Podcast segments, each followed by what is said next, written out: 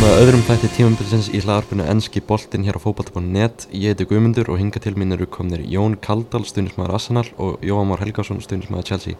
Sæli drengir, hvernig er þið í dag? Ljómandi Það er stungskíða hjá okkur Arsenal fólki þessar dagana. Fyrstu, fyrstu nefnir Arsenal, það byrjuðu bara á, á stóra málunni Það var stórleikur núna á sunnundaginn þegar Arsenal og Chelsea áttast við á Emirates í, í London. Svona tilfinning mín fyrir þessum leik var að Arsenal svona nokkur veginn stjórnaði fyrstu 15 mínútum, er þið svona sammálað því?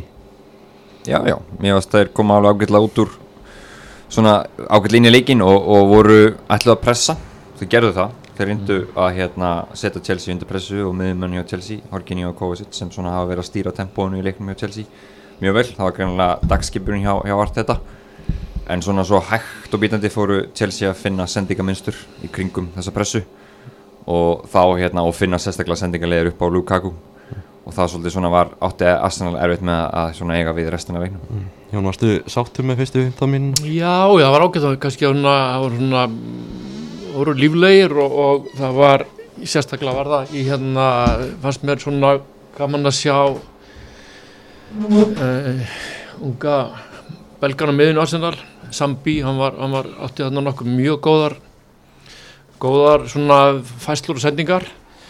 Um, en mér fannst nú Arsenal sko, við byrjuðu bratt en, en það var ég held svona meira bara sko, tjálsi aðeins að, aðeins að lesa þá og, og, og svo gerði það mjög vel. Uh, galopnu hægravengin ítrekkað og, um, og það var eiginlega stórförðulegt að þið tóku þrýsa fjórum fimmsunum bara nákvæmlega sömu fæslunar og Saka fylgdi aldrei í James niður greinilega dagskipunin að vera upp í að pressa því fremstu menn átt að pressa. Og ég enga trú að, Saka hafi ákveðið sjálfur að droppa ekki. Og allt þetta brást ekkit við þessu. Svo kom bara tvö eila bara eins mörk í uppbyggingu. Mm -hmm. og þetta var svona stærsta áhugjumálið í eftirna leik að, að, að hérna, þrjóskan af hliðalunni í að breyta ekki taktik sem greinilega var ekki að ganga upp uh, ekki, ekki fyrir í hálfleik, hann breytir í hálfleik og það er miklu skára í setna hálfleik sko. þá er leikurinn nánast sko, tapaður fyrir Arsenal Mm. þannig að þetta er hérna þetta er enn eitt eh, held ég naglinn í líkistu allt þetta Kemur þetta mark frá Lukaku eftir 15 mínúna leik? Þetta var svona ansi auðvelt mark en alltaf fyrsti leikur á Lukaku og ríkilega gott fyrir hann að ná marki strax eftir 15 mínútur í fyrsta leik. Hann var klár í slægin Mm. og hann ætlaði sér hérna að skora í þessu leik og, og hérna hafa, hafa mikil áhrif á hann og ég held að það sé það er bara nákvæmlega verið raunin. Ég held að Pablo Marisi, þessi fegin og þurfa ekki að klást við Lukaku hérna hverja helgi. En, en kannski eins og það sem Jón sagði að hérna þetta einhver leiti spil og aðsennast svolítið upp í hendunar á Chelsea menn að, þeir voru í þessari háu pressu og þeir fylgdu hann ekki tilbaka og, og það var alltaf í rauninni sama, þetta gerðist alltaf í þreysasinum í leiknum. Að Rhys James var galopin hægra megin og það var að því að Gerian Terni hann þurfti að taka ákvörðunum að fara að pressa mántin á miðunni og skildi þá bara þá kom fekk Rhys James flugbrutina og þannig kom þetta í rauninni í þrýgang tvissunum mark og svo einu sinni þegar bara Rhys James var klöfi og, og hérna uh, já, hefði átt að stinga inn á Lukaku en, en gaf á mánt sem áttu skot sem frekar máttlítið. Þannig að hérna þetta var svolítið sérstök taktíst upplegg hjá, hjá allt þetta einhver leiti þrjóst kannski. En, uh, en Lukaku var frábær og hann var svona kannski síndi þarna sem Chelsea hefur vantað í, í sín leik og tók vel talað um þetta eftir leikina þegar það var svona ofta á tíðum vantað en referenspunkt upp á, á topp sem satt að geta bara losa boltan öðvöldlega þangað upp úr pressu og það var það sem voru henni að gera þannig losuðu pressunni í Arsenal fyrir öðvöldlega og kannski líka tveir dúbumiðmennir hjá Arsenal, Xhaka og kannski sérstaklega Xhaka sem mér varst ekki sérstaklega góður í gerð meðan Sambi Skarri tekundi það. Að hérna þeir voru ekki að blokka þessar sendingarleir á, á Lukaku og upp á toppin og, og þá gæti Lukaku rauninni valið sér sendingarleir þannig hvort Havertz eða Mount. Þannig að þetta var svona frekar svona Chelsea náðu að finna lausnir við pressu Arsenal og, og þá rauninni sköpuði sér nokkur færi. Og, og segið sammála því að það var meira jafnbræð með leðunum í, í, í setna áleika en, en að sama skapi Chelsea fekk mjög góð færi og Bennett Leno varði einu sinni fáralega vel. Og eiginlega líka fór Ka- Kai Havertz einu sinni kom svona hálfbarinn einu gegn þannig uppi hægra megin. En hérna Arsenal ógnaði sjaldan, það var eitt skallið þarna frá Pólding eftir hotn, annars var þetta svona frekar máttlítið fram á veginn hjá Arsenal. En, en talandi um Arsenal, það vantaði náttúrulega nokkur stóra, stóra leikmenn og það voru ykkur fréttur um það held ég að þeir voru að pælja að hérna spila þrjá fyrir þrjá á móti Chelsea í þessum leik en, en Ben White sérst veikindi hans hafi eitthvað eitthva haft um það að segja, ég veit ekki hvort það sé rétt. Sko, hérna áður komið því að langar mér að gefa sko Lukaku þess meira kredit að hefur verið með öðvöld, hann leti þetta líta út fyrir að vera með öðvöld hérna, Lukaku núna er allt annu skeppna heldur en kom fór fór Englandi sko, Conti er búin að kenna honum gríðarlega mikið. Mm. hann, er, menn, hann var frábær í tegnum, hann var frábær hlaupa menn, hann er orðin bara eins og sko hérna veist, power forward í, í hérna körfun bara postar upp sko. Og, Já, og hérna og veist, það var ótrúlegt að horfa á hann. Og Pablo Mari er, er, er alveg stór og sæmilega sterkur. Hann var eins og fluga á honum. Og, og hérna það verður mjög spennandi að sjá Lukaku í deildinni í, í vetur því hann fær Chelsea allt aðra uh, breytt inn í sinn leik eins og segja Jói. Hann, þetta, hann er komin alvöru target center mm. og spilaði þessum leik ótrúlega vel sem slíkur. Tók mikið til sín. Mm. Og það, sko, svo tölum við aftur sko um þryggja uh, mannavörnina og það voru fjölmarki búin að spá því að þetta færi akkur í þryggja mannavörn, hann hafði alveg valkostin í það þá þrátt verið að Ben White hafi greinst með COVID, þá var hann með, með hérna, Calum Chambers sem getur spilað hæglega með við, gert það mörgu sinnum. Hann hefði látið Týrni spila sem uh, sko vinstra megin og, og verið með Mari í miðinni og Holding hægra megin. Og það er raun og veru svolítið förðulegt að hann hafi valið að halda sig við þessa fjaramanna svona hvað sé hann, saman klöstruðu varnalínu, því að hann var líka með Cedric Soares sem var í æfingarleik í, núna æfingarleikum í undirbúrstíflinu, hann sko fjórið kostur þar, hann er alltaf komin í byrjunlegum til Chelsea, þannig að það er svo margt förðulegt við ákvarðanir Arteta í aðdraðarleiksins og í í viðbarasleysi sem setur sko, bara spurningamörkin yfir hún vakna og verða að verða starri og starri mm -hmm. Og sérstaklega ég held hann sé ég held þessi þróskans sé, sé hans stæsti akkilsahæll hann bregst ekki við í leikum fyrir seint.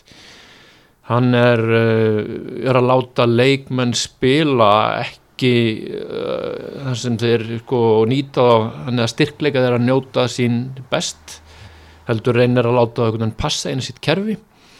Og mér finnst það nánast búin að eðalegja Obama Young með því að láta hann spila svona mikið á vagnum. Og um, ég veist, ég er bara miklu ágjör af stöðun og ég held að sko, núna auðvitað Arsenal maður kaupa mikið, eitt, eitt mest rallarlega í leikmenn. En allt er þetta leikmenn sem eru tiltölulega styrir öðrum sko launaflokki heldur en Lukaku og Dieter Sancho. Þetta eru samtals, þetta eru ungi strákar og þeir ekki að fara, veist þannig að samningarnir fjara og samningarnir þeirra er ekkit í líkingum við, við samningarnir hjá Varan og Sancho hérna hjá United eða Lukaku. mm. En ég held að líka stórluti á því að Arsenal sé að sækja svona unga leikmenn er vegna þess að Arteta telur sig eiga betur með að móta þá og þeir muni fara algjörlega eftir hans ráðum sem eldir leikmenni vilja ekki. Og það var, eða vilja síður. Og hérna það var svona merkjað vitar sem byrti þessu vilja í síðasta höst og þá tala hann um að uh, það var, kemur til aðsina þáttu að tekja það, búin að vera við það hann sæst aldrei hafa kynst álíka uppleggi þetta var nýjar hugmyndir sem hann var að sjá í Arsenal. Og ég held hreinlega að það sé þetta micromanagement arteta sem hann að tala um þar. Og við sáum þetta í leiklíka hann fyrirmælinn sem er að koma á hlýðalunni eru, þeim er rignir yfir leikmenn. Í þessu, þessu leik núna kemur upp, er aðtök það sem, sem Smith Rowe sko greinlega snýr sér að bekknum og er ekki alveg viss hvort hann eigi að pressa eða sitja. Og við sjáum þetta einasta leik svona uppákomur það sem Saga er, er að horfa til Arteta ungi leikmenn að horfa til Arteta og þeir eru ekki alveg viss. Og við sáum þetta í pressunni. Og þetta segir mér að, að liðið er á einhverjum kolröngum stað. Þetta á ekki að kenna í leik menni að koma undirbúinur og vera um að reynu hvert hlutverkið það er. Mm -hmm. og það er því meður bara alls ekki það sem sjáum núna kvorki brentvortleiknum nýja mútið Chelsea mm -hmm. En taland aðeins um, um Lukaku maður sér alveg fleiri varnir í anskóru lendi vandra með þetta nöyt sem er eins og Jón segir réttilega bara komin miklu betri frá Ítalíu en hann var á Englandi síðast Já, já, hann er svona bara, hann er líka búin að hérna, hann er búin að léttast aðeins mm. og er samt ennþá þráttur það gríðalega hraustur og sterkur og hraður og hann kemur með segja alveg nýja vitt inn í sóknuleik Chelsea. Menn að eins og Tuchel sagði að, að þú veist þegar Chelsea var að spila með Giroud sem er kannski svona target center einhver leiti hann gæti ekki inn fyrir. Lukaku mjög öll með að inn fyrir. Þannig að það er svo erfitt að verjast honum að því hann er svo multifunktional hann getur gert svo marga ólíka hluti. Og þetta er bara eins og segi þetta var allavega þessi, þessi, þessi frumsýningans var, var virkilega, virkilega góð. Og maður er svona að hérna, vona að Chelsea að finna þarna 25 marka mann í dildinni sem þú þarft oftast að hafa til að geta verið svona að eiga við, við liðin svolítið Manchester City. Og eins og segi, ég bara, maður er gríðarlega spenntið bara fyrir næsta leik sko, ég skal vel viðkjöna það. Hann, er, hérna, hann lítur rosalega vel út. Mm -hmm. uh, bara til að taka þessi hérna, með, með Arsenal aðeins áfram að því þetta er, hérna, margt árið sem segja og, og maður svona, því ég hef horfið á byrjunni í Arsenal og ég veit að vantaði nokkra sterkar leikmenn eins og Gabriel Iverdin og Thomas Partey á miðuna og fleira og náttúrulega ábúið með Jangi í sóknina að mann leysandi ekki eins og maður væri að sjá þú veist, bara fyrir nokkrum árum og þá var meirins aður þegar Arsenal var að byrja að fara kannski aðeins niður brekkuna hérna undir vengar það voru þetta samt svona heimsklassa leikmenn sem svona maður sá fyrir sig komast í flestu öllu í dildinni, þú veist Prime Özil eða Alexis Sanchez. Minnst bara líka Arsenal, þeir eru ekki ennþjóðlega með þessa gauðra lengur, þeir eru með visslega efnilega strákaður að kaupa þannig, en það er svona að tala um férfaktor oft. Það bara vantar í Arsenal núna og, og hérna, þetta er einhvern veginn ekki þú veist, maður ólst upp með að horfa hérna 2003 sem var bara sko, hver heimsklassa leikmaður hann fætur öðrum einhvern einustu stöðu. Þetta eru bara einhvern horfi úr liðinu og veit, þú talar ekki, þú veist, allt þetta ég, ég er ekki samfara um hann og það voru ykkur orðunum um Antonio Conte. Það er allir með skæði sem getur tekið og laðið með þetta aðsannlega saman og gert og allt aftur á svona held ég alveg fókbaltalegi mm -hmm. bara sem svona stundin sem að Chelsea það er svona fyrir mér algjör kraftaverka maður hann er dramadrótning og mjög erfiður og mér ger allt vittlaus svona lokum en hann er frábæknarsmyndistjóru ég held að, ég held mögulega ef, ef þetta fyrir ekki að ganga á ægvart þetta þá er aðsannlega að skoða þann kost Ég menna hvort hefur lengi östur og óskalistunum mér og, og, og gerði frábæra luti með Júve og, og var öflugur líka mítaska landsliðin með mjög takmarkaðan hóp á sínum tíma Einmitt. og hérna hann er að var í frábært að hann kemi og ég held að Arsenal eitthvað leitið þurfi og megi alveg aðeins sko hrista upp í hérna í félaginu sjálfu. Það er það er mikið áhugjefni hvað struktúrin, innri struktúr Arsenal er veikur. Edu er hérna technical director, hann er enga reynslu af Európa-boltanum mm. og uh, Arteta nýliði í þjálfun.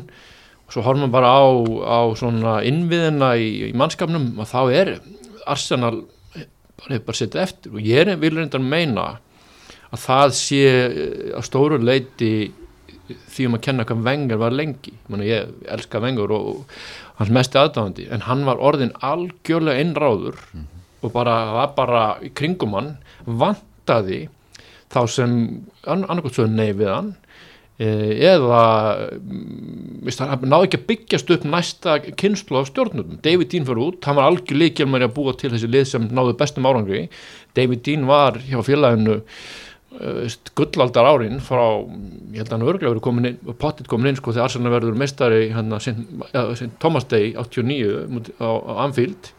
Svo tekur bara við frá 89 til 2004-05 gríðarlega miklir velgengnist tímar það fer að Hallundan fæti eftir að dín fer. Algjörlega. og það, þetta vantar hjá Arsenal. Og þess vegna hefur maður sko áhugjur af því að þeir target er ekki réttu þjálfarana heldur Kontið væri draumur en vist, ég hefði, ég hafði áhuga á því voru að Arsenal myndi bara hefða ná í Graham Potter hjá Brighton, því ég held að Arsenal sko þeim stað í, í, í sinni tilvöru að því séu ekki endilega kostur fyrir gæi eins og Konti Konti finnst mér líklu til að bara býða eins og sjá hvort að Solskjær hérna, vist, munni þrauka annan vetur sko. Og Konti tæki Man United, þá myndu við sjá þá í alveg titilbárat, engin spurning sko, en ég hef ekki trúið að það muni gerast undir stjórn Solskjör Þessi byrjun í Arsenal ég skrifaði frétt á söndan um að hann væri sögulega slæm. Arsenal hefur hvað aldrei í 100 átunar sögu í eftir delta á Englandi verið með 0 stig og 0 skuru mörg eftir tvo leiki. Næsti leikur um að Manchester City sem við erum ekki að búast við sigri frá Arsenal þar eða þannig Nei, því miður held ég þessu litla líkur. En ég reyndar er alltaf, ég býst alltaf og, og vil alltaf gera alltaf kröfum sigur Arsenal og hérna og, og ég ætla að halda mig við það. En því miður hafa líka mörg svona slæm með uh, fallið í stjóratíð Arteta. Í markaskorun tap á heimavelli og ég held sveimir þá að hann sé að nálgast núna mjög óðfluga að hafa tapað jafnmörgum eða fleiri leikjum á Emirates og Wenger alla sína stjóra til. Bæliði því? Það er rosalegt. Það er mjög svakalegt. Eru, erum við þá að sjá að, að, að stjórasæti Arteta sé orðið bara heitt, mjög heitt eftir tapamóti mann City, eða er tapamóti mann City?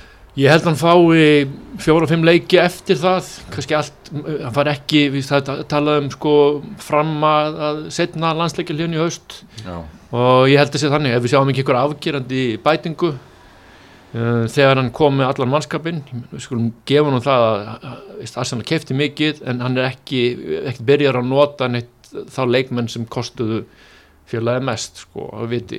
Nei, þessi varnalína sem spila á með Chelsea, ég, ég efast um hún spila aftur saman sko. Já, mest að ég hef hérna bara, svo ég segja alveg svo er sko og hérna mm, þannig að við skulum ég held að hann muni fá ja, nokkar leiki en svo er þetta er maður bara smá hrættur um að, sko leikmannhópurinn sé ekki alveg að sé, sé að verða þreyttur á hann er svona ákveðin svona merki um, um það. Hann er svona hann er mín í ennaðisherra sko.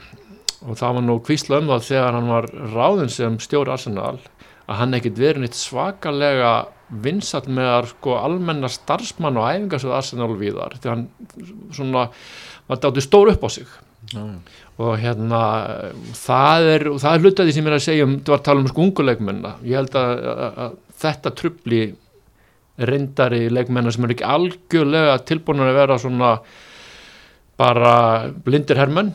Granit Xhaka er, er þannig típa. Hann bara gerir það sem hann er beðin um og spilar vinstri bakur, töður ekki hann, hann, hann leysir öll þau hlutverk sem hann er beðin um og jafnvel þótt að sé honum fyrir vestu að, að vera settur í stöðu einn aftastur á miðunni eins og var ítrekkað að gerast. En ég held að hinir sem vilja, vilji og þurfi meira frelsi til að tjá sig og skap, vera skapað vellunum ég held að þeir séu nánast að kapna undir stjórn allt þetta. Hvað var ekki Mourinho sem sagði hérna? Það var að spyrja um fyrirmæli til til uh, leikmuna Real Madrid. Það var sann, ég hef ákveðna hugmyndir eins langt og að nær en vist, á ég að segja Ronaldo hvað hann á að gera þegar hann nálgst vítategin, nei. Ég held að þetta frelsi vanti hjá Arsenal. Það var líka nákvæmlega saman og Thomas Tuchel talaði um hjá þegar hann var að þjála Neymar hjá PSG að hann er ekki að fara að leggja honum einhverja reglur þegar hann er komin, þú veist, í einn og einn stöðu. Þú veist, hann bara tekur ákvörðuna sjálfur hann er það sem hann er bestur í að gera. En, en já, þetta er hérna er, þetta er ekki sannfærandi Arsenal. Ég held að sjó að taka undir það hjá Jóni að hann er hérna hann hittir svolítið naglan í höfuði Á meðan þá er að Chelsea bara á blúsandi siglingu undir stjórn Thomas Tuchel. Já, þetta fyrir virkilega vel á stað. Búin að frá því að hann að Supercup leikurinn á móti VRL, það fór vel. Svo eru þessi tveir fyrstu leiki bara mjög samfærandi liðir ekki að fá þessi mörk. Það er svolítið að halda áfram þessi þétt leiki í liðinu sem ég tala um. Að að, hérna, hann er ennþá til staðar og, og þessi þryggjamanna miðvara lína hún, hún heldur rosalega vel um, Horginni og Kovacic eru báður að spila virkilega vel núna. Kanti er, var mittur eða svona var tæpu fyrir þennan leik. Ég held að hann komi núna inn, á móti Liverpool. Og hann var bara flottuð þannig að koma inn á móti Arsenal. Þannig að hérna og svo er alltaf þetta, þetta vingbakkakerfi sem, sem hérna þeir eru. Marcos Alonso er að byrja tíðanbili frábæla þú veist alltaf kemur hann einhvern veginn aftur. Út af hvað hann í þessi nýju líf hann hjá Chelsea. Uh, þannig að er einu sem byrjar að spila. Og svo núna er bara komin, ég menna veist ég held að það sé alltaf þannig á Romelu Lukaku hann er bara orðin, líka við fyrsti maður á blað og Mason Mount spilar alltaf. Þannig að nú er komin gríðarlega samkeppni um stöður hérna sem er þá þriðji eða sem sagt maðurinn fyrir aftan í rauninni Lukaku með Mount. Það eru ansi margir sem eru koma kallandi þar eins og Kai Havertz, Tommy Timo Werner og ég vil Hakim Ziyech. Kristjan Púlisir sem er kóð núna, hann verður ekki með í bráðin en hérna, þannig að breyttin er rosa mikið mikið samkeppni stöður. Og já, það er svona það er rosa gott að væpa yfir þessu sko. Tölum að áðan að Arteta er ekki að náði best út úr leikmennum Arsenal Akkurat auðvitað hjá Tuchel hann næri bara allra besta út úr flestum leikmennum Chelsea. Og líka bara, bara frá því hann kom hann í janúar að, að þú veist, það voru alls konar leikmenn sem voru, maður reyna næstu bara að afskrifa hjá Chelsea, að tala um leikmenn sem voru þetta og síðast á samnings núna í sumar það eru Kristjansen og Rúdíkar þeir voru bara út í kuldanum hjá Lampard og bara fengu alla leik. Þeir eru að spila frábæla núna hjá, hjá, hjá undir Tuchel og eru búin að gera það, gera það í fyrra og halda áfram núna. Um, hann er svona hann finnur lausnir og líka þetta með í rauninni með miðjumennina, hann, hann er að ná því allra besta út úr Jorginho líka og var til þess að Jorginho komið sko þvílitt sjálfstöðun í Europamestaramótið og var frábær þar. Þetta var í rauninni ekki raunin, hann var inn út úr liðinu hjá, hjá, hjá Lampard líka. Hann, þetta er í rauninni, hann er hann er virkilega fær þjólari, hann, hann tók vel, það er ekki að segja maður Þessi viðsmúningur eftir hann tók við af Lampard var magnaður sko, hann er allir leikmyndur undir hans stjórn eru betri menn að rísa fjárfestingar eins og í Havertz. Og allt í húnum bara eh, hann bara, bara sá maður af hverju Chelsea borgaði svona mikið fyrir hann. Alonso, Aspoli Seta Jana, þetta eru, við erum með að geta farið í sko niður alla leikmanna listan og það kannski sínd okkur sko munin á reynstum litlum þjálfarinn efnilegum eins og Lampard er. Mm. við sáum sko Lampard hafði áður en komið til Chelsea að hann bara sínt ljómandi svona lofandi hluti hjá Darby já. þannig að en, en munurinn á svona elitu þjálfara uh, og efnilegum kom best í ljós þarna og, og, og við skulum að sko, þetta gerist hætti, hvernig var þetta, var, var ekki Lampard ennþá með, með Chelsea þegar Arsenal vinnur á 3-1 uh, kringum jólunni fyrra? Jú, og þetta er bara viðsnúningurinn frá þeim tíma á þessum tveimur félögum er ótrúlegur. Og það er bara ein skýring á því og það er Thomas Tuchel og hann er hérna, hann er náttúrulega svona gaur líka sem hefur nánast gert allt brjálað já, já, í þeim félögum sem verið. En maður skinnjar það samt hann, hann er alltaf að hann er, hann er að bæta sig og læra. Hann er að læra meiri um safskjöndum hann hefur gengið fram að leikmunum með Dortmund og viðar. En ég held að það gert hann gríðalega gott að vera í svona félagi eins og PSG þar sem þurft að eiga við stórstjörnur svona dindóttar primadonnur eins og Neymar og, og fleiri þarna. Og kemur bara svona meiri, með meiri auðmygt inn í til, til Chelsea og veist, gerði ótrúlega hluti. Og ég held að þeir verði og ég áður en bursti að fara úr Lukaku það verið samfarið með þeir væru sko, megin keppnautunum titilin í, í, við, við, við hérna við City í, í vor. Og ég með eh, Lukaku innanbórs bara klárlega þeir sem eru líklegastir það kannski líka bara til að með Tuchel hann hefur talað um það, hann er mjög hrifin af sagt, uppbyggingunni á því hvernig Chelsea er stjórnað, hann er með, sagt, er með Peter Cech með sér, þeir eiga mjög góð samskiptum Marina Kanarskæja sem er þá í rauninni svona svona fórstjóri félagsins sem svo má segja. Og það er í rauninni hann er mjög ánægð með hvernig í rauninni þetta skipulag virkar. Hann í rauninni sér um, hann bara kemur ákveðnar pælingar, hvernig leikmannakaup svona ákveðnar prófíla sem eru þá fyllt, uppfylltir. Og þannig var Lukaku, það var svona nummer eitt eiginlega og samt Erling Braut Haaland og hann hefur talað um að þetta svona hvernig þetta virkar hafi verið í rauninni það besta sem hann hefur upplifað, það var kannski þetta var meira einhvern veginn svona veist, hann, hann var svolítið einræður hjá Dortmund og einmitt hann fór það, hann frekar í miklu fúsi. Það var alveg, alveg, alveg vel, vel svona hérna talað um það og svo svona súrnaði þetta rosalega hratt hjá, hjá PSG það var einmitt út af því að honum varst vanta þennan svona í rauninni þennan struktúr á klúbbin hann hefur rósað því mikið núna.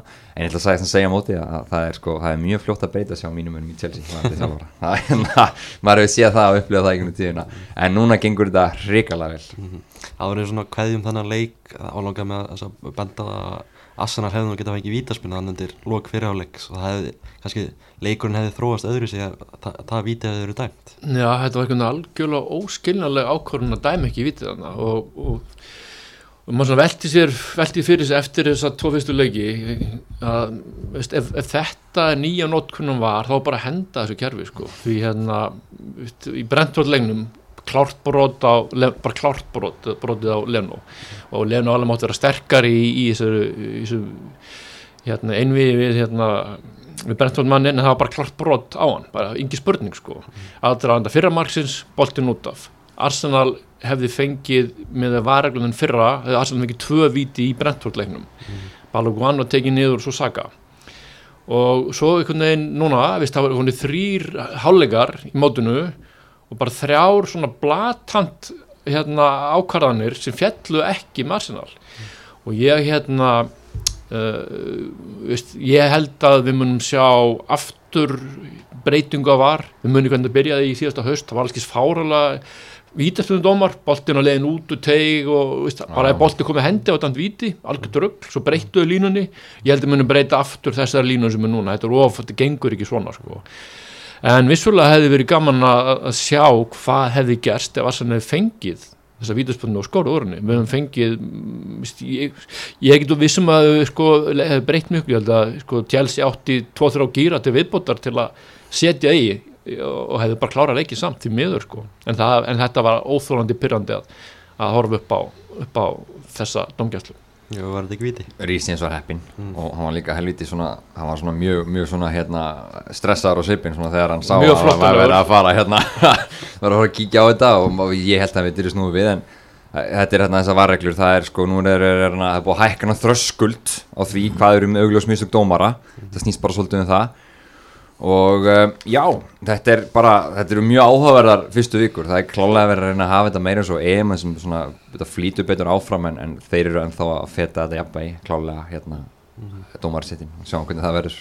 Fyrir þá aðeins í, í fyrsta leik helgarna á Liverpool Burnley Þetta var svona verið tvö skildu verkefni fyrir Liverpool í þessum fyrstu tveimur leikjum en þeir hafa bara verið nokkuð samfænandi samsvæður Já, já, þeir voru í rauninni fyrir mér var þetta aldrei hætti á Liverpool Börnlega, þú veist, þeir, þeir, þeir gera alltaf sitt og þeir börðust og, og svona spurðu alveg spurninga. En í rauninni eftir að hann Jota skoraði fyrsta marki þá var þetta aldrei spurning. Og í rauninni hérna, já, þú veist, þeir skora hérna, maður dæmt marka Sala líka og fleira en, en mér fannst bara, þú veist, Liverpool eru svona, þeir eru þeir eru ekkert fullkomnir, þú veist, þeir eru alveg búin að vera svona smá brotalamir á þeim, þú veist, þeir eru alveg þeir bæði þessum tveimur svona frekar afriðsli það var tekið að setja undir ákveðt spressu en þeir eru að klára þessi verkefni bara nokkuð vel og, og hérna bara þú veist, þeir eru þeir vera með í þessu núna, já, það er klásmál Verður Liverpool ekki alltaf bara með í barni eins og ég segi Jú, veist, en við skulum sjá til. Þeir náttúrulega eru hérna erum að missa við nældum sem við algjör leikilmaður hjá þeim. Fæn dag komin aftur og það býnur ekki núna að spila á miðunni þar sem hún líður betur. En, og hérna en þeir eru mm, kannski eins og sáum við fyrra veist, ef, ef, ef, ef Alonso eða, eða Van Dijk þeir eru ekki alltaf einu manni kannski full mikið frá því að lenda í, í basli sko og, og hérna en uh, allan að með þess að tó fyrstuleiki sem við séð þá, þá er, Keita allt í hennu hann að spila mikið betur og svona Elliot með mest spennandi ungu leikmönnum í dildinni sko. ótrúlega þroskaður leikmaður með valdur það var flottur eins og leik núna á móti Burnley. Það er leikmaður sem getur ná langt á sín ferli held ég. Það held ég, það var, þetta var það er með mikið fókbalt að heila sámaður Jóhann Berg Guðmundsson núna alltaf í berliðan að hann svona, þegar maður horfur á Burnley spila þá ein, eina sem er vonar að hann komast heill úr þessum, leikin fyrir landsleikina í, september. Engi spurning og hann let til sín taka aðna en, en bara með börnlið, þú veist, mér finnst þeim vanta breytt. Það vantar alveg tilfinnilega líka bara svona sóknargæði, þetta eru fáir leikmenn, hann er mikil ábyrð á fáum hausum aðna og já, mér finnst það einhvern veginn hérna ég hef smá ágjör af börnlið Já og Manchester City vinnur náttúrulega 5-0 sigur á Norwich. Jack Grealish með sitt fyrsta mark. Norwich lítur ekki vel út í þessum fyrstu tveimu leikum Nei, þeir verða öruglega í basli og, og, og hvernig City svona, er að detta í, í, í kunnulegt kunnulegt hérna, spilaform. Og uh, reiknum við ekki með því að, að þeir, ef þeir kaupi ekki Kane þá kaupa einhvern annan stóra markaskorra mm. þannig að við veitum alveg hver sagan er, er þar. Þeir verða í, í, í topparóttunni og, og hérna á öllum mikstöðum mm. þannig að Guardiola alltaf tekið þann pól í hæðina. Mm. bara, að, viðst, það er hérna, full ferð í öllum keppnum. En það hafa svo sem mannskap til að stilla upp í, í hérna, nokkur mót. Þannig fréttur um það þetta að ef City myndi ekki fá Harry Kane þá var hann bara búið að fá Cristiano Ronaldo hann að Já, maður sá það, það er eitthvað mjög skrítið hérna í gangi hjá Ronaldo hérna á Ítalju en það væri nú, það væri nú bara, það væri óknanlegt held ég en, en ég hef, ég hef á tilfinningu þegar ég landi í Kane, ég veit ekki hverju. Maður er einhvern veginn svona, maður er búin að halda því smá tíma en við sjáum til hvernig það verður en bara þótti fá eiginlega engan, það verður samt með stórkostillið og þessi leikur hérna, þetta var svona bara þetta var svona leikur katan þessar músinni sko, bara frá að til au og þú veist, ég held að Norri sagði bara er feiknir þetta að búi sko, mm. þurfum ekki að fara að þanga aftur, þá var vísu unnuð af síðast þarna útivelli síðast þau voru deildinni, eins og ótvöld að það kannu vera. Mm.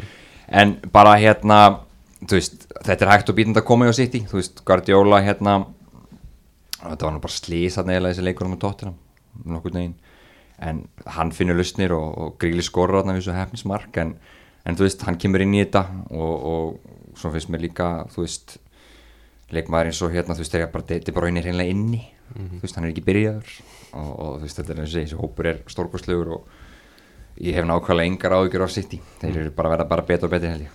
Og Aston Villa vinnur 2-7 á Newcastle, Crystal Palace og Brentford gera jattefli, Leeds og Everton gera 2-2 jattefli, er eitthvað sérstaklega sem þið takkið út úr þessum þrejum leikjum? Svo voru það klukkan 2 Mér finnst bara svona endur koma Benítez í deildina. Hann er hérna hvað kalluður hann, spænski þjóttnin hérna, hann kann sitt fag og hérna og hugrakkur, mættur í hinlutan hérna í Bílaborginni ég, ég held að hann sé einn af þjálfur sem geta gert fína hluti á Arsenal. Og hérna ég miðast hann alltaf sympatískur. Þótt hann hafi kannski ekki spilað svona mest sexy fókbóltan þá er hann, þá kann hann að, að, að halin stig og, og ég held að hérna það var svona, það var, það var það var hérna mér er gaman að fá hann í, í boltan aftur. Og Brentford byrja vel. Þeir eru flottir og þeir voru nú hérna voru pínleita hefna á Nóti Pallas þeir voru skotið slá og svona hérna Pallas og, og voru vist mun skári núna heldur en á, heldur en á móti Chelsea opna opnarleiknum Pallas en uh, mér varst líka mér varst rosa gaman að horfa á hann leik en að lítið Evertón, ég var svolítið að fylgjast með honum og það er svona var bara alvöru, alvöru fókbaltaleikur fram og tilbaka eins og oft lítið eru en það var bara ótrúlega skemmtilegt svo kannski líka Aston Villa flottu sigur á þeim njúkusl það var vissu rosalegt var moment þar þegar að Amy Martínez keirir Carlo Wilson niður og, og svo er þetta rángstað á Carlo Wilson í uppbyggingunni það, það er náttúrulega umturna þeim leik sko. mm -hmm. en, en þeir svona loksins hérna, eftir þetta svona pínu sjokk að tapa mjög vott þá kom Aston Villa með, með þetta framistuðu mm -hmm. og þeir verði mjög góður heima þetta mm í vetur Eitt nafn sem var svolítið í tengslu með stjórastöðunni á Arsenal á sín tíma Patrik Vieira, hann er mættur í á stelina Já, það var nú eitthvað bara fannst mjög algjör romantík sko. Og hérna og mögulega er einmitt full mikið romantík núna ennið vötnum með það að vera með Ed, Eduard Teddar fyrir hendur leikmenn ég held hvorur hefði fengið starf í Arsenal ef það ekki verið leikmenn þar sko. Mm. við erum einn stórkostluðu leikmenn var. Og ef ég mætti velja einn úr, úr, úr fyrri liðum Arsenal til að spila fyrir þetta lið núna í, í toppformi þá væri það við erum því ég held að hann myndi, hann, hann er gæðið sem breytir liðum breytir því með getu en líka bara spiritið í kringum hann sko. það var ótrúlegt, ég sá hann spila nokkru sinnum. Uh, horfði á hann spila sko, sér mannar utan sko, það sem gerist utan uh, myndavalana og þetta er bara, þetta er uppáhaldsleikmaða minn allra tíma hjá Arsenal. En því miður þá hefur hann ekki sínt fyrst mér, mér finnst þetta ótrúlegt að hann landa þessu starfi hjá, hjá hérna Pallas því hann hefur ekkert sínt sérstaklega góða fannmjöstöðu þar sem hann verið áður Uh, ég held með honum í, í þessu starfi og vonandi stendur þessu sig en hann, hann, ég hef ekki trú að hann verði, verði svona elítu þjálfari mm. Alltaf þetta var sér ekki stjórin sem er besta leikmannafyrirlega núna í hans góðstöldinni? Jú, alltaf það ekki mm. Hann alltaf var, já, já sennilega Ég held það sko Er þið ekki, ekki spenntir svona annars að sjá hvernig hann mun standa sig með Krista Pallas? Jú, það alltaf var, þú veist, ég alltaf sá Pallasin í fyrsta leikum á Chelsea, mm. þeir gerðu nákvæmlega ekkert í þeim leik. Og þetta var svolítið svona bara sjálfstætt fram alltaf þessum Hodson gerði, svolítið kýlt fram á þannig, þannig að það hafa búið að lofa því, þetta er kannski aðeins meira svona spennandi.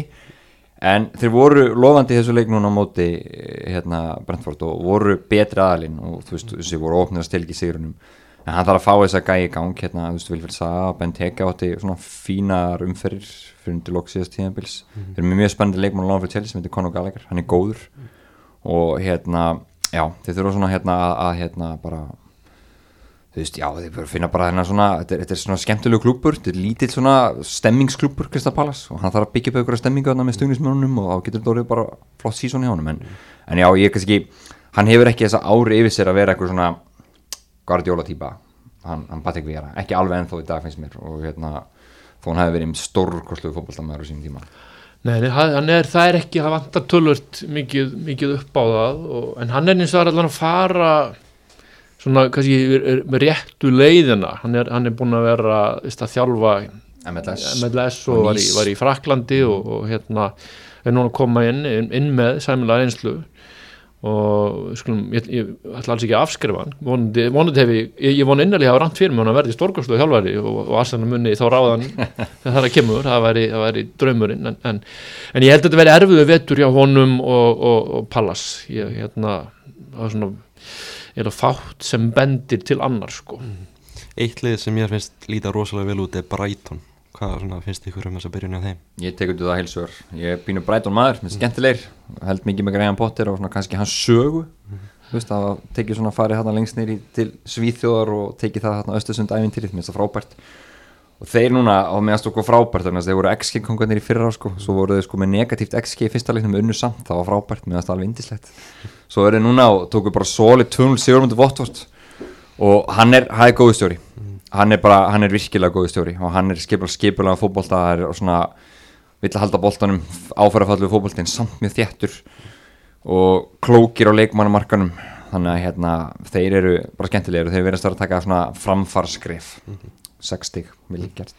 Já, ég segi það sama og ég hef mikla trú á, Potter nefndi hann á hann ég vilja fá hann til Arsenal Tottenham gerði náttúrulega ítrykka allavega að honum í, í vor hann vildi ekki fara, það var, var skynsalett líka bara mjög fyndi og maður finn, fyndin reyndar þessi hérna, langa leit en ég held að reyndar síðan landa alveg ljómandi fínum stjóra í, í núna en, en hérna, en Potter, það verður fróðlegt að sjá hvenar hann tekur út að skrif veist, ef, ef Arsenal kemur bank á banka á dittnar hjá Brighton í, í haust og tilbúið að bara leysa hann út greiða fyrir hann var hann tilbúin að fara á miðjutíumbili því ég held að þetta sé náungi sem geti höndlað stærri klúb mm -hmm.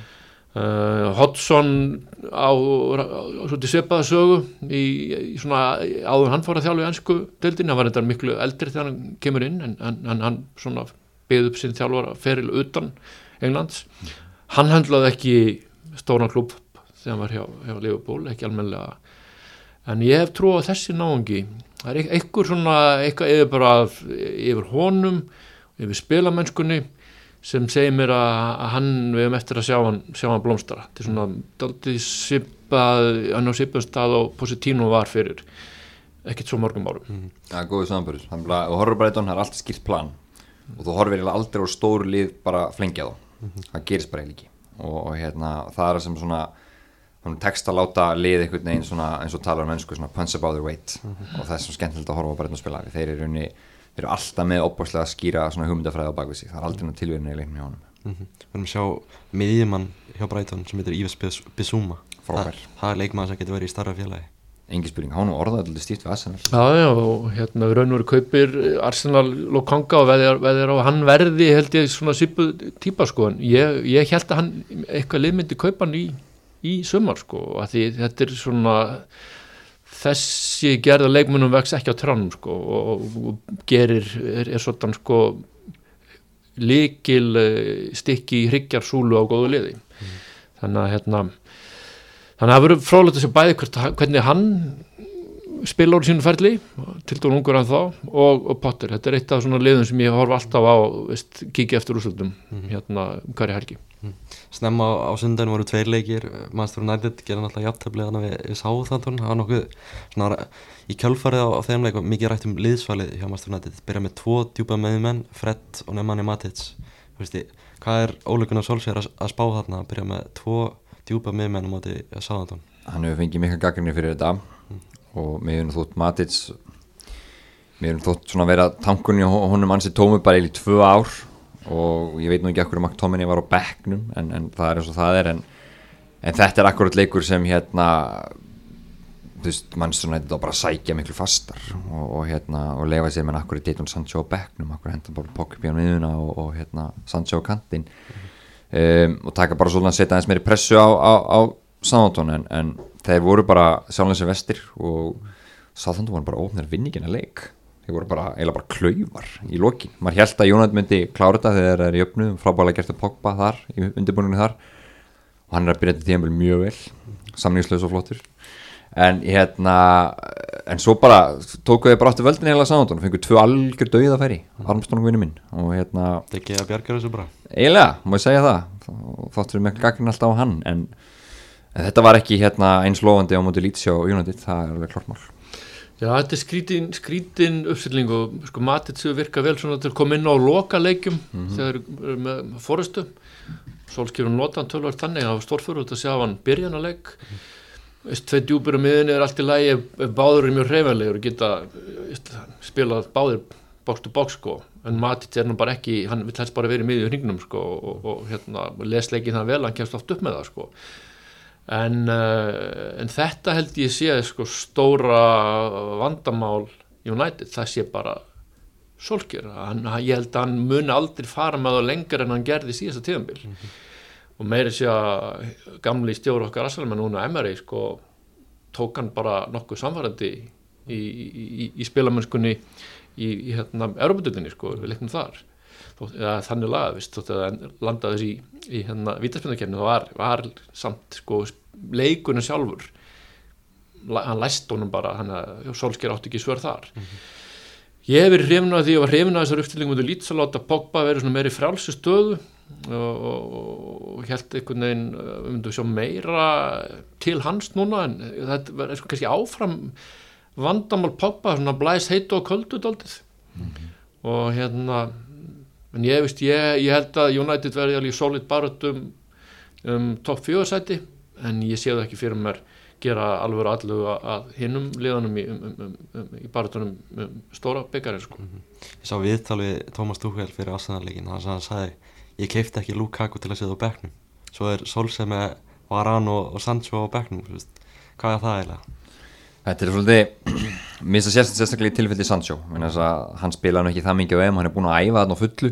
Þannig að það er örgulega komin tíma og hann geti færa að spila, spila heila leiki. Það er kannski eitthvað aðeins öðruð sem ég var hann en, en hérna, þú veist, þú verður bara þú veist, þetta er sem stuðnismenn ég vil líka sjá, þú veist, þú vilt fá veist, þessa gæi gang og ég meina mér finnst það frekar undarlegt hvað hann er, hvað hann er að hérna, setja hann hægt inn í þetta, sérstaklega þess að hann vantar líka rassfórt en, en já, þetta er hérna veist, spila þessum gæjum, ekki spurning. Og kannski teka aðeins undir með honum hérna, hún Jóni varandi Solskjær að þú veist, núna er mjög stór próstitt fyrir Óli Gunnar Solskjær það er bara í rauninni, hann hefur engar afsakanir lengur þess að hópurinn sem hann er með er frábær. Og það er búið að hérna, stappi gutin sem þetta stappi.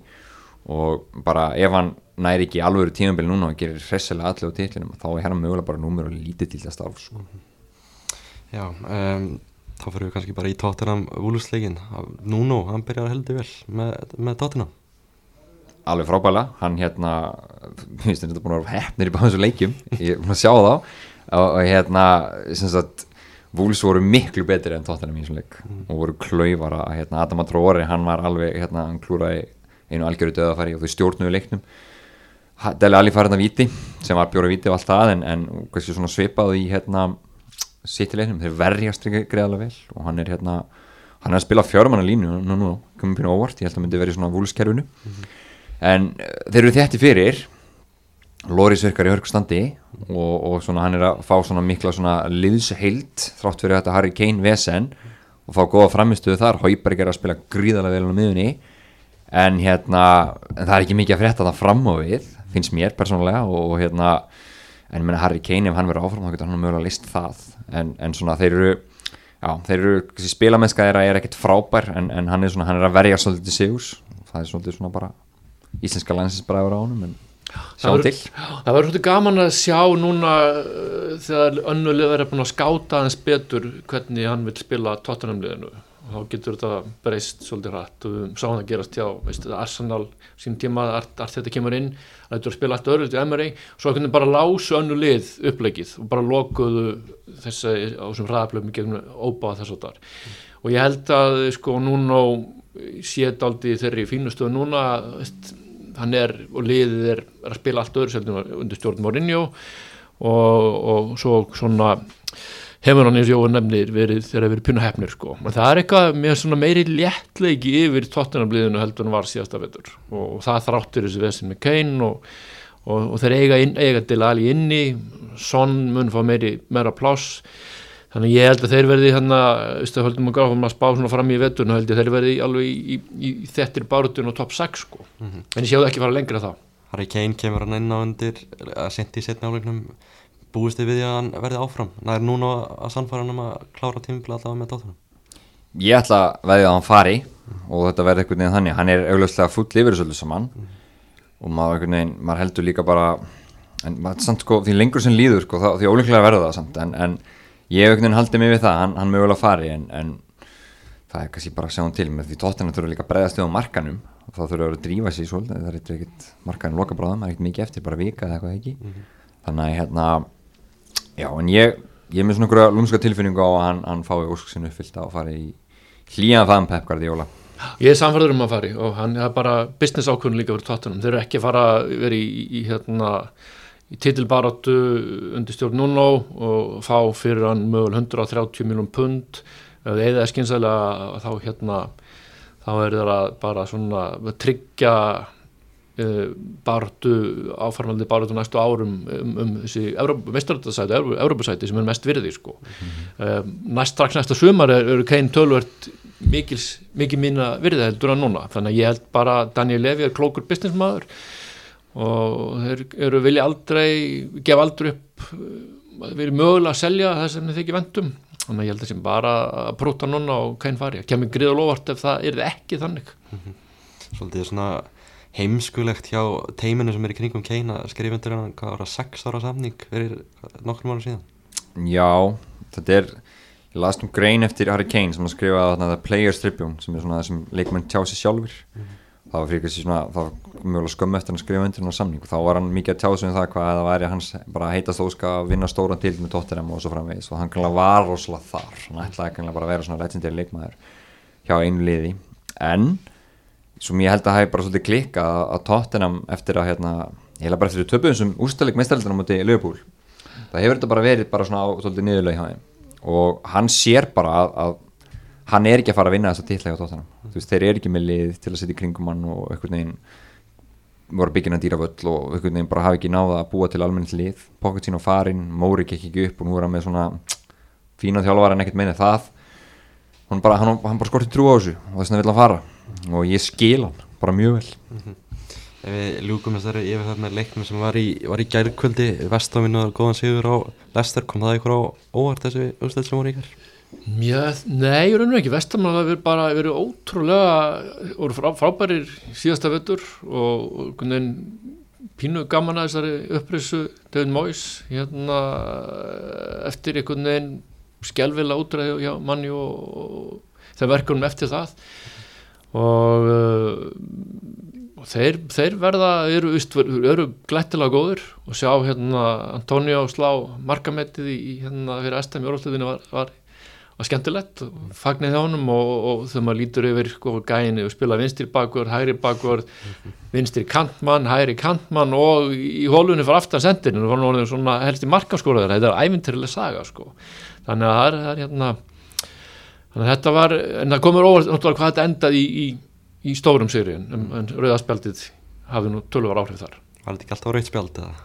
Jú, mjög stæla og klöyfi og en hérna og það er náttúrulega svona leikur að var mjög margar að því það er svona skemmtilegu leikur mm. og lestir reyndu en svo náttúrulega bara svona sprunguði svolítið á, á hérna eftir þetta að náðu þessu markin og bara þau allir að reyna ómikið og þá sprunguði algjörlega mm. En, en vestam lítið vel út og, og hérna hér skora rosalega mikið og, og svona það er svona, það er góður góður andi yfir, yfir þessu á vestam núna það er mikil trú, þess að bara fyrir árið síðan þegar voru hérna selgt eitthvað leikmann til Vafbja og alltaf brjálað, enginn hafði innan trú á þessu. Mm. nú er líka hérna Sæt Bæna Rama, hann er spilað frábæla komin inn í þetta aftur eitthvað núna. Þannig já, þeir bara þessi Tómas Úsek og Dekla Ræs á miðunni, þetta er bara þjætt lið. Hún segir Antoni var frammi, hann er mjög góður þannig að hérna, þetta er bara solid lið og ég heldur sem að kaupa Kurt Zuma að Chelsea þannig að ekki með það veikja á. Mm, Ég sá hvað að Twitter í gæra menn voru svona að tala um að Michael, Michael Antonio kemist í liði á Arsenal. Tekur undir það? Nei, ég held nú ekki.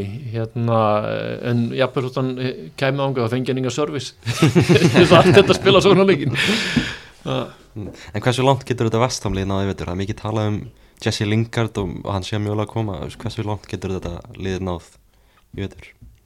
Ég held að verði, við munum sjá það á, á, á efra spjaldunu í, í hérna á töflunni. Mm. en ég þór ekki að spáða um herra en það mm. Ég segi bara mjög gott þegar það var í 7-8 sko. Þú veist, ef þið tekst að fara inn í kringum sjötta seti þá var það alveg bara fáralega vel gert sko. Mm þá eru þeir virkilega frábæri tíðanbili, en já, ég myndi segja tengundum með Jóni, mm. kannski sætið svona 9-6 eitthvað starfar Það lókum alltaf að byggja ykkur um að velja eitt sigurvera og eitt tapara frá þessari helgi. Byrjum á sigurveran, hverja eru þið með þar? Eru þið ekki veljum ekki stjóra Sándon sem hérna er, hefur þurft að þurft að fá á sig sko mörg mörg en einhvern veginn lifaði gegnum það og er ennþá að láta spila, liðið spila hörkubólta, mann missa frábæra miðumann, missa sterkan miðvörð í vestegórð sem fyrir lester og kemur svo hann á bróöppin að sjá ekki liðið sér taka öll stíðin moti mannjú mm -hmm. uh, tapar náttúrulega engin evi í mínum huga, það er allt þetta sko sem einhvern veginn er í heitasta stóli stól hérna stjórastólum núna. Ég held að sé aðra helgina í rauða sem hann er nefndur hérna í þessu, þessum flokk tapar helgarinnar það eru þungt yfir allt þetta og ég held að það sé svona kannski, það var einhvern veginn eins og hvað Jón kom inn og í upphafið þáttar eins með svona taktis upplega kjá honum var bara, hún brást ekki við og þar með svona kannski færa hann stimpil þar.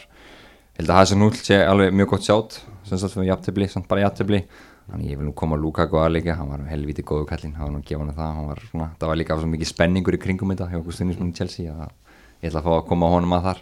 Ég gati ekki farið þákað sko. en, en já, ég, ég, vil, ég held að allt þetta sé hérna, því miður fyrir hann og þá þarf hann að hérna, hann þarf að gera þessi brók Hvað skora Lukaku mörg, mörg í, í vetur? ég held að segja 24 dildinni. það var grimmur. Þá segi ég bara takk kærlega fyrir að mæta strókar Takk kærlega fyrir gatið og takk kærlega fyrir að hlusta Takk